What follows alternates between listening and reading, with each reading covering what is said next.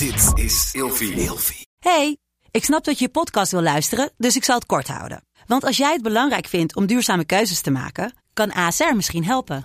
Nou hoor ik je denken, hoe dan? Nou, bijvoorbeeld bij het duurzaam herstellen van schade. Of de premies die we beleggen volgens ons duurzaam beleggingsbeleid. Dat bepaalt waar we wel en juist niet in investeren. Wil je meer weten over welke duurzame keuzes ASR maakt? Ga dan naar asr.nl slash duurzame keuzes. ASR doet het. Zo, dan kan je nu lekker naar je podcast luisteren. Fuck, ik heb echt veel zorgen aan mijn kop. Jij ook? In deze podcast bespreken we al onze schaamte, eenzaamheid, issues, experimenten en gaan we op zoek naar onszelf. Samen met een gast beantwoord ik al jouw vragen. Tof dat je luistert naar Kopzorgen. Ik ben jullie host Michelle en ik ben hier met Lianne Keming. Hallo. Lianne is binnen Zelfhulp in Nederland de eerste vrouwelijke blogger en schrijfster van de boeken Je moet bijna niks. Dingen anders doen. Je kan het doen. Hey, wil je nou zien hoe wij erbij zitten? Dat kan via Instagram en TikTok, Kopzorgenpodcast. En dan nog iets. Als je deze podcast graag luistert, laat dan even een review achter op je favoriete podcast-app. Zo kan deze podcast beter gevonden worden door anderen. Waar ik vooral eigenlijk op dit moment een beetje in wil gaan is ehm, hoe erg de maatschappij mij het gevoel geeft dat alles maakbaar is. Dus je kan dit doen en dan word je zo succesvol en je kan dat veranderen en je moet om zo laat opstaan. Daar hadden we het net al een beetje over. En het is lastig, want ik heb het gevoel dat als je gewoontes wil veranderen, je ook ergens kan doorschieten snel. En mijn vraag is eigenlijk, hoe vind je die balans? Nou, de maakbaarheid, de, ja, de, de illusie slash boodschap van eh, maakbaarheid, die is natuurlijk heel aanwezig. Er zijn natuurlijk zat tegengeluiden, daar hebben wij het ook ruim ook al over gehad, natuurlijk ook in het verleden.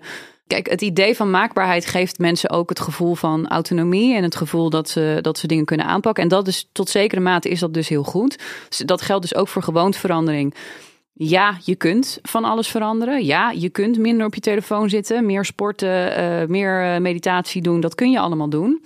Maar het is een illusie om te denken dat je nooit meer op je telefoon gaat zitten. Dat je die impuls helemaal kwijtraakt. Het is een illusie om te denken dat je niet ook nog steeds een beetje zo'n soort innerlijk holbewonertje hebt wat gewoon eigenlijk op de bank wil chillen.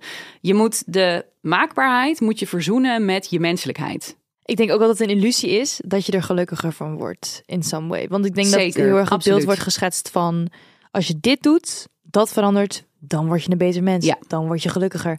Is dat zo? Nee. Je wordt denk ik juist gelukkig van doen wat je kunt en accepteren dat je ook dus inderdaad maar gewoon een mens bent met inderdaad de behoefte om niks te doen, om zoet en vet te eten, om eh, te slapen en om het jezelf ook niet te moeilijk te maken. Het is denk ik de combinatie van die twee, want ik geloof echt heel erg in een inspanning ontspanningscyclus in die app en vloed eigenlijk van ik ga nu wat doen wat goed is, wat awesome is. En oh, daarna ga ik weer even chillen. Maar die zijn we een beetje kwijt ook soms hè, in, in, de wereld. We vinden, we moeten heel het aanstaan, moeten alleen maar gaan. Maar het is inderdaad juist die inspanning en ontspanning. De maakbaarheid van inderdaad achter de dingen aangaan die je wil, inclusief gewoontes. Naast, ja, mijn telefoon en social media zijn gemaakt om mij hier te houden. Ik ben ook maar een mens met dopamine shotjes die afvuren in mijn brein. Misschien moet ik daarom niet dus boos zijn op mezelf als ik dus inderdaad in oude gewoontes verval. Ja, zeker. het is eh, letterlijk, ik had het ook in de aflevering over, over eten. En er zit letterlijk Mm. suiker in, zodat het verslavend Ja. is, weet je wel. Ik bedoel, ja, the world sucks. Ja, precies. Je kunt, je kunt maar tot zover vechten tegen al Ja. dat soort feitelijkheden. Dus ja, Maar het ene veranderen helpt dus wel. Het is een soort van domino-effect. Dat, dat las ik uit in je boek. Dat er stond, als je één gebied in je leven verandert, dan gaat de rest ook makkelijker. klopt. Want hoe meer jij ervaart dat het kan. En inderdaad, in, in kleine stukjes, in kleine stapjes. Maar hoe meer je ervaart dat het kan, hoe meer je jezelf leert. Dus eigenlijk self-efficacy. Van hoe meer je jezelf leert van, oh ja, wacht. Het kan dus wel. En dat is dan vervolgens, dat neem je mee, dat vertrouwen, ook op die andere gebieden. Ja, dat vind ik dus heel mooi. Want als je, Ja. eh, ik ben begonnen met elke dag mijn bed opmaken. Heel goed, ja. En dat eh, mensen denken, waarom doe je dat? Waarom, wat is het nut daarvan? Ik denk dat het voor mij een stukje is van een, een netheid en Ja. een stukje overzichtelijkheid, weet je wel? Want en ook inderdaad, als je hem opmaakt, kan je er niet weer in gaan liggen. Is letterlijk dat. Precies. En op een gegeven moment denk je, oké, ik wil ehm, meer water drinken. En hoe Mhm. kan ik dat dan doen, weet je wel? En dan is dat als je ziet wat werkt, word je gemotiveerd. Maar ook Ja. weer andersom. Als, je, als het Ja, niet klopt. werkt, dan denk je, laat maar. Ik ga wel weer gewoon uit en ik ga weer gewoon zuipen en bla bla bla. bla. maar het gaat natuurlijk veel dieper dan alleen maar waar, we, waar ik het nu over heb. Zeg maar water drinken, bed opmaken. Ja. Ik had het net in de vorige aflevering heel veel kort hierover. Ik heb een luisteraarsvraag. Mhm. En het gaat over... Ja, een gewoonte in een relatie. Elke keer als mijn partner uitgaat, word ik jaloers en pissig. Ik ben bang dat hij misschien iemand tegenkomt die hij leuker vindt dan ik. En dat maakt me onzeker. Dit heeft natuurlijk een negatief effect op onze relatie. Hoe verander ik zoiets? Oef. Ehm, ja, ik weet niet of ik dit een gewoonte zou noemen. Dit is een patroon. Dit is een patroon. Wat is het verschil tussen gewoonte en patroon? Nou, ik vind een gewoonte is. Tuurlijk, het, het kan zo zijn dat je inderdaad. Op het moment dat hij aan het stappen is. dat je dan inderdaad continu je telefoon gaat checken. Dat je van die moeilijke berichtjes gaat sturen. Terwijl je eigenlijk zelf wel weet van ja, dit is een beetje kut dat ik dit nu zo op deze manier doe.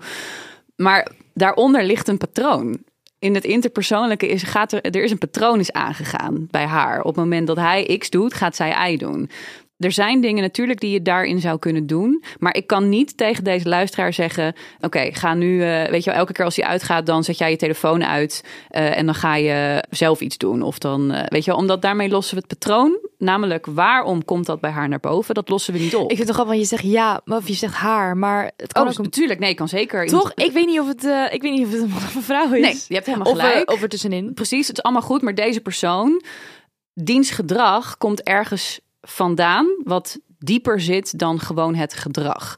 Um, en ik vind patronen tussen mensen en vriendschapsdynamiek en relatiedynamiek sowieso love it. Daar is ook super interessant. Dus het advies wat ik deze luisteraar zou geven is aan de ene kant, ja, ik weet niet in hoeverre dat kan. Dat hangt natuurlijk ook heel erg van dienstpartner af, maar open communicatie van ja, ik krijg dat gevoel. En natuurlijk, dat hoeft, hij, hoeft diegene met wie ze een relatie heeft. We gaan het nu even helemaal goed doen. Nee, hij was een hij, hè? Hij was wel een hij. Maakt niet uit. Laten we er gewoon een hij of zij van maken. Maar ik wilde eerder gewoon zeggen van degene die. Nee, maar je hebt helemaal gelijk. Want het is natuurlijk helemaal niet zo. Zeg maar, het is heel heteronormatief en sowieso misschien ook een beetje een soort van seksistisch. Dat ik denk dat zij dan jaloers is. Inderdaad. En dat is natuurlijk ook niet per se zo. Nee. Want, nou ja, je moet daar denk ik over blijven praten. Maar je moet ook gaan kijken van, goh, maar wat, wat kan ik zelf doen? Waar, waar, waar zit dit in mij? En dat is best lastig. Ik weet ook niet of je dat alleen kan of op basis alleen maar van, van dingen lezen. Ik denk wel dat het altijd helpt. En op het moment dat je echt in ieder geval denkt van oké, maar ik wil het wel echt anders doen. Nou ja, dan kan je er dus wel voor kiezen om te zeggen, om gewoon te appen. Hey schat, veel plezier. En jezelf even terug te trekken uit de situatie. Door dus inderdaad iets te doen waar jij blij van wordt. En door ja, jezelf af te leiden. Of door heel veel te gaan schrijven van... goh, wat gebeurt eigenlijk allemaal in mij? Waarom ga ik zo op zo'n soort ja, fantasy thought train... dat hij een of ander een beter iemand gaat ontmoeten dan ik? Waarom vind ik mezelf niet goed voor hem? Of waarom vind, weet je wel? Dus er zijn absoluut dingen die je kan doen... Maar ik, ja, ik durf niet te zeggen van hoe je dat, uh, of het in die zin helemaal weg kan door dat soort dingen te doen. Nee, want je weet niet waar het vandaan komt. Precies. Dus aan wat ik gelijk denk is, oké, komt dit dan door je partner of is het iets in jou? Precies. het kan zijn dat je partner daadwerkelijk gewoon echt niet te vertrouwen is Ja, en dus kan. eerder iets heeft geflikt of whatever, of gewoon jou niet het gevoel heeft dat jij eh, op zijn, zijn of haar of hen, hen ding, eh, nummer één staat. Ja, maar ja. het kan ook zijn dat jij gewoon of door een vorige relatie of door iets Ja. wat je hebt meegemaakt, gewoon zodanig weinig vertrouwen hebt in Ja. mensen dat het gewoon heel veel onzekerheid bij je naar boven brengt. En ik, ik voel deze wel. Ik heb dat. Ik kies ook Mm. altijd wel vragen uit waarvan ik denk van ja, ik voel deze ook wel. Maar kan je er echt wat aan doen? Nou ja, wa- waar ik wel gelijk aan moet denken, dat is een beetje, beetje diep, maar ik zal het kort houden. Er zitten hier een aantal overtuigingen. Van nou ja, er, er zijn blijkbaar betere mensen voor hem dan, dan ik. Of wat als. En er zit heel veel angst en dat soort dingen. En dat zijn wel zaken die je kunt gaan uitdagen en onderzoeken. En dat is misschien dus inderdaad wel een gewoonte die, zo, die iemand kan oppakken. Van oké, dit gebeurt. Ik denk dan dat. En daar vervolgens bijvoorbeeld inquiry-based stress reduction, waar ik natuurlijk ook in mijn boek over schrijf, om dat daar bijvoorbeeld op, op, te, op toe te passen. Die werkbladen invullen, eh, nou ja, gewoon die vragen überhaupt voor jezelf beantwoorden. Is het waar? Kan ik zeker weten dat het waar is? Wie zou ik zijn zonder deze gedachten? En wat voor alternatieven zijn er? Ja, dus de gewoonte nemen dat als je zoiets voelt, Ja, dat je dan naar binnen gaat. ja precies. En kijk bij jezelf. Ja. Oké, we hebben het echt super veel over schermtijd, maar er komen gewoon zoveel vragen binnen over schermtijd. Ik heb er hier nog één, maar die is wel net iets anders. En ik vind deze heel interessant. Eigen ervaring zag je dat in ieder geval. Ja. Bij alles wat ik doe, gebruik ik mijn telefoon. Als ik eet, of mijn tanden poets, of ga sporten. En soms alleen al voor het achtergrondgeluid. Ik merk dat als ik dit niet doe, ik heel erg ga piekeren over dingen. Toch ben ik helemaal niet blij met mijn schermtijd. Ik hoor dus dat meer mensen die ik ken dit doen. Kan je het een keer bespreken in je podcast? Natuurlijk kan ik het bespreken in mijn podcast. Het is mijn Ja. podcast, nee grapje. Maar ehm, ja, vet herkenbaar. Echt Ja. vet herkenbaar. Oké, maar waarom is het een probleem? Want het klinkt alsof het heel veel oplost. Nou, ik denk dat het een probleem is, omdat deze persoon doorheeft dat het vermijden is. Oh, Want er staat hier, manier. ik merk als ik het niet doe, ga ik piekeren. Dus je wordt soort van dependent on. En dat Mm. voelt, is geen fijn gevoel. Ergens soort van. Toch? I guess. Kijk, maar, maar een telefoon is ook gewoon een super handig ding. Wat heel logisch is dat we dat op allerlei functionele manieren inzetten. Ik, ik ben ook, ik heb, ik loop altijd met muziek op. I don't want to talk to anyone. Ik wil gewoon alleen maar muziek horen als ik ergens ben. En ik heb Google Maps nodig en, eh, en mijn podcast app en mijn mail en, en inderdaad mijn social media. Dus ik vind een telefoon vind ik een fantastisch ding. Ik zou nooit meedoen met zo'n experiment van gebruik een Nokia 3310 voor een jaar. Dat lijkt me echt afschuwelijk. Dus ik zie vooral inderdaad heel veel positieve effecten van. Ook als het je dus helpt met een bepaald stukje kopen. En kijk, als het inderdaad is zoals jij zegt, want het is vermijden, dan wordt die interessant. Want dan denk ik dat iemand beter kan zeggen: Oké, maar ik ga oefenen met de gewoonte van niet vermijden. Dus niet, ik moet mijn telefoon wegleggen. Maar ik ga inderdaad bijvoorbeeld eens 10 minuten opschrijven wat, wat, wat voor gedachten ik in mijn hoofd heb. Hè? Dat piekeren. Of ik ga even 10 minuten gewoon op de bank zitten. En dan mag, moet je wel natuurlijk even je telefoon wegleggen. En kijken wat er dan gebeurt. Door het een beetje te oefenen. Weet je, een beetje wat gebeurt er dan? En dan merk je, ah, oké, er komt van alles naar boven. Maar ik ga niet dood.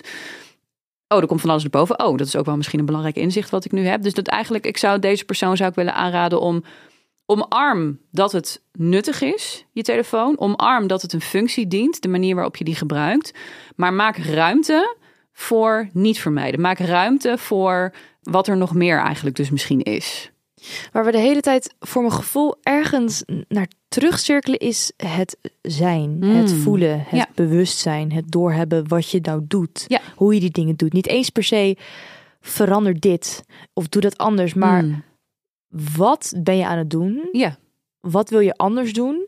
En hoe zit dat in elkaar voordat je zegt: Oké, fuck het, ik ga elke dag zes uur opstaan. Waarom? Hmm. Wat is je intrinsieke motivatie om dat te doen? ja. Weet je wel? Dus in plaats van gelijk zeggen, bam, gewoon eerst nadenken van, oké, maar hoe gaat dit dan iets voor mij doen? Want misschien voel, je, voel ik me wel veel chiller bij gewoon elke ochtend om acht uur opstaan. Weet Ja. je wel? Misschien dat, dat doet dat wel meer voor mij. Maar over deze vraag, even terugsturen naar deze vraag. Ik ben op stilteweekend geweest. Oh, wauw. Een tijdje, nee, tijdje terug. Maart. Mhm. Dat was heftig. Tuurlijk. Voor degene die niet weet wat een stilteweekend is, dan eh, zit je een weekend. eh, ik zat dan bij een landhuis met allemaal vreemde mensen, een stuk of twintig waren het er. En dan ga je daar slapen en dan ben je een weekend daar en dan praat je niet. Nul. Echt helemaal niks. Mhm. Niet eens mag ik dit broodje van jou van de andere Nee. kant van de tafel. Je zegt helemaal niks. Eh, en betaal je ook wel een redelijk bedrag eh, geld voor. Maar je krijgt dan ook yoga en meditatie en la la la. Ja. En eh dan denken jullie van misschien ben je zo'n zweet, zweefteef. Nee, valt Mm. mee hoor. Maar ik was gewoon heel erg interessant. Ik praat zo fucking veel. En Mm. ik zit zoveel op mijn telefoon. Wat gebeurt er als ik een weekend lang niet mag praten en ook niet in mijn telefoon kan vluchten? Ja, dus die stond uit. ja. Nou, Wat gebeurde er? Ik werd helemaal gek. Ja, Echt helemaal gek. Maar echt paniek. ja. Paniekaanvallen. Gewoon. Ehm, dit is echt, eh, dit is geen mooi verhaal. Dit was echt niet leuk. Het, je kan, want ik denk dat zoveel mensen die zeggen dit en die denken dan van, nou, dat was zo chill, zo fijn. Dat stond een echt niet moment. meteen chill hoor. Ik stond in de keuken op een gegeven moment eh, paprika te snijden. We waren aan het koken met een paar mensen. En er stond een vrouwtje tegenover me, 50 jaar of zo. En die was lekker die paprika aan het snijden. En die had het helemaal naar de zin. Want die heeft waarschijnlijk een gezin met een paar kids. En dan kan ze eindelijk gewoon even voor zichzelf tijd. Ehm, en ik stond daar helemaal gek te worden. En Ja. ik, op een gegeven moment ben ik naar buiten. En toen heb ik dus uiteindelijk mijn moeder gebeld. Oh ja. Omdat ik dacht, ik kan dit niet. Mm. En dat maar, je was, kan, maar je kan het dus wel. nou ja, het voelde wel als falen. Want Mm. ik dacht, ik ga een heel weekend niet op mijn telefoon kijken. En gewoon eh, in, met, met mijn gevoel zijn. Ja. En ik kon het niet. Jawel, want dat heb je wel gedaan. En maar ja- jouw gevoel heeft inderdaad er ook voor, eh, weet je wel, dat gevoel wat je kreeg, dat leidt natuurlijk ook tot zoeken naar wat je kan helpen. Nou, logisch dat je dan inderdaad denkt aan je moeder en je moeder gaat bellen. Maar als ik dit hoor, dan denk ik, nou, volgens mij is er precies gebeurd wat er moest gebeuren. Namelijk, je kwam in contact met van alles wat er misschien ook is. En natuurlijk is dat in één keer heel heftig en overwhelming. Natuurlijk moet je iets, wil je iets doen met dat heftige en overwhelming gevoel wat je, wat je hebt. Nou ja, dat is dus ook hè, heel menselijk. Maar dat heb je wel allemaal gedaan. En wat gebeurde er daarna? Wat ben je daarna gaan doen? Ehm, bedoel je na het weekend? Nee, dus je had je moeder gebeld en toen? Nou, zij had het ook een keer gedaan. Dus Ja. ik dacht, ik wil met iemand praten Ja. die snapt wat ik doormaak, Nou. weet je wel. En dat was heel fijn. Dan zij was van, ja, ik snap het. Ik had het eigenlijk al verwacht bij jou. Want Tuurlijk. ik ben natuurlijk altijd met van alles bezig. En om dan ineens op een boerderij, Ja. eh, want ik woon in Amsterdam, ineens niks. Dat is gewoon super heftige switch. Eh, ook al zijn er maar twee dagen. Mensen denken nu echt een weekend. Wat doe je nou? Maar Nee, het was echt... super heftig. Ja, want eh, probeer, wees maar eens een dag überhaupt stil. kan- En nee. Dus ik voelde me beter. En uiteindelijk heb ik het gewoon afgemaakt. En achteraf voelde ik ook wel een bepaald soort rust in mezelf, gek Mhm. genoeg. Maar even, want ik cirkel uiteindelijk terug Mhm. naar het telefoongebruik. Wat ik wel dacht is, oké, er is dus meer dan dit. Ja. Weet je wel? Want ja. vaak is social media of je telefoon is zo'n zo erg je wereldje waar Ja. je in zit en alle berichtjes die je krijgt. Ja. krijgt. En ehm, ik was wel meer van oké met mezelf. Ja. Wat heel raar was. Nee, maar dat is dus ook waarom ik dus per jaar er dus twee of drie maanden niet ben, zeg maar. Want dan zit ik Online dus niet dan. erin. Ja, precies. Dat ik, dan zit ik dus niet in dat, in dat schermpje soort van. En dan, dan is dat er allemaal even niet. En dan ben je toch even... En dat is- hoeft niet heel de tijd. Maar voor mij is het echt chill om dat gewoon even een maand of twee gewoon alleen maar te hebben. En dat is dus met dit ook. En dit is eigenlijk ja, wel echt de hardcore versie van... ehm, ik mag niet eens het verbaliseren. Ehm, en dat moet allemaal aan de binnenkant zitten. Ja, natuurlijk gaat het dan borrelen. Tuurlijk. Ja. Dus het is, het is alleen maar, denk ik, gewoon heel goed en interessant. En ook hier weer, hè, niet zo streng zijn voor jezelf. Natuurlijk heeft dat veel effect. Ja, wat ik zelf heb is gewoon, als ik dan iets wil veranderen, dan moet het gewoon bam. Ik moet iets heftigs doen. Ja. Ik moet iets in één klap, weet je wel. Dus ik, ik wil een beter alleen leren zijn. Ik ga mijn eentje backpacken, ik ga naar Bali, weet je wel. Of ik moet, wil met, eh, geen koffie meer drinken, ik stop een maand. Ja. Ik drink nu ook geen koffie meer. Wat goed. Eh, soms werkt het wel, soms werkt het niet. Ik ben nog steeds verslaafd aan mijn telefoon, dus in dat opzicht eh, nee. Dat is ook zo. Het, het wisselt een die- beetje per onderwerp, inderdaad. Van, Ja, ja. die comfortzone uitstappen, ik vind, oh, ik Ja. hou er echt zo erg van. Maar ja, jij houdt daar ook, jij vindt er ook wel Ja, toch? en, en het interessante is dus dat bij sommige dingen duw ik mezelf of iemand anders er inderdaad helemaal uit. En bij andere, dan is het gewoon, hè, we houden elkaars hand vast en we doen even een stapje. En even een stapje. Dus dat, dat verschilt een beetje per onderwerp. En dan moet je dus ook, als je dus zoiets cold turkey doet, moet je dus accepteren dat het dan nog steeds niet betekent dat, je, dat het helemaal beter is. Het blijft altijd een proces. Ja, maar ik vind het gewoon lekker om gewoon die klap in mijn gezicht te krijgen. ik denk echt, ja, dat, is- dat is, ik weet niet of dat mijn persoonlijkheid is, maar Nee, ik gewoon herken even het wel. die, die, dat oncomfortabele. En het gekke is dat ik dan altijd het gevoel heb dat ik leef. Heb, je wel, heb jij wel eens helweken gedaan? Nee, huh? Is dat van Alex Malone? Die, eh, Nee, heb dat is een, eh, het, is een, een, het is, het was echt een gigantische rage. Nou, laten we zeggen vijf jaar, zes jaar geleden. Waarbij er zijn een soort van zeven regels. eh, waaronder vijf uur opstaan, tien uur naar bed. eh, alleen maar gezond eten, geen social media, super productief zijn. één nacht doorhalen. eh, nou ja, dat. Heb jij het gedaan? Ik heb het gedaan, een paar keer. Ehm, en eh, vooral de nacht doorhalen vond ik echt fucking heftig. Want dat is echt iets wat ik normaal gesproken nooit zou doen. Ehm, maar dat, dus als jij dat zo zegt, dan, dan herken ik dat wel van. Er is iets in mij wat ook gewoon iets extreems wil doen. Om, om erachter te komen wat dat dan met me doet en wat voor effect dat dan heeft. En dat kan voor gewoontes kun je dat dus op die manier ook doen. Alleen in mijn ervaring zorgt dat voor even een soort interessant inzicht. Maar is dat niet waar de langdurige duurzame verandering zit? Ja. Die zit echt in die baby steps. Ik snap heel goed wat je zegt, want ik heb heel vaak dan doe ik die klap en daarna val ik toch weer terug. Precies. Maar ik heb wel altijd het gevoel dat je dan jezelf echt gewoon echt goed leert kennen op een bepaalde manier. Dus Ja. misschien helpt het meer daarbij. Maar in de long haul, als je echt elke dag een liter water... Ja. Is, het, is het één liter? Is het meer? Maar moeten ze twee drinken, toch? Ja, ik heb geen idee. Mm. Ik doe het niet. Maar als je dat echt wil, of een marathon wil lopen... Ja. Obviously, it's baby steps. En wat zou je Mhm. dan aanraden? Hoe, hoe je dan jezelf kan motiveren om te beginnen? Even een beetje om deze podcast eh, Ja. rond te maken. Nou ja, om, ehm, je moet jezelf dus echt heel makkelijk maken. Dus ik zou eh, willen zeggen dat je bijvoorbeeld eh, met je, nou ja, dat schrijf ik ook bijvoorbeeld in dat boek. Mijn telefoon moet in een andere kamer liggen in een kastje. Ik moet geen snoep in huis hebben. In ieder geval voor de eerste periode zo min mogelijk. Zodat ik het film. Het is ook veel moeilijker dan om dus dat gedrag te vertonen. Ehm, voor sporten inderdaad sportkleding eh, klaarleggen. Ik had een coach die als ik er niet was vroeg waar de vak was je. Weet je wel, een beetje dat soort dingen. Zorg dat dat soort dingen er zijn.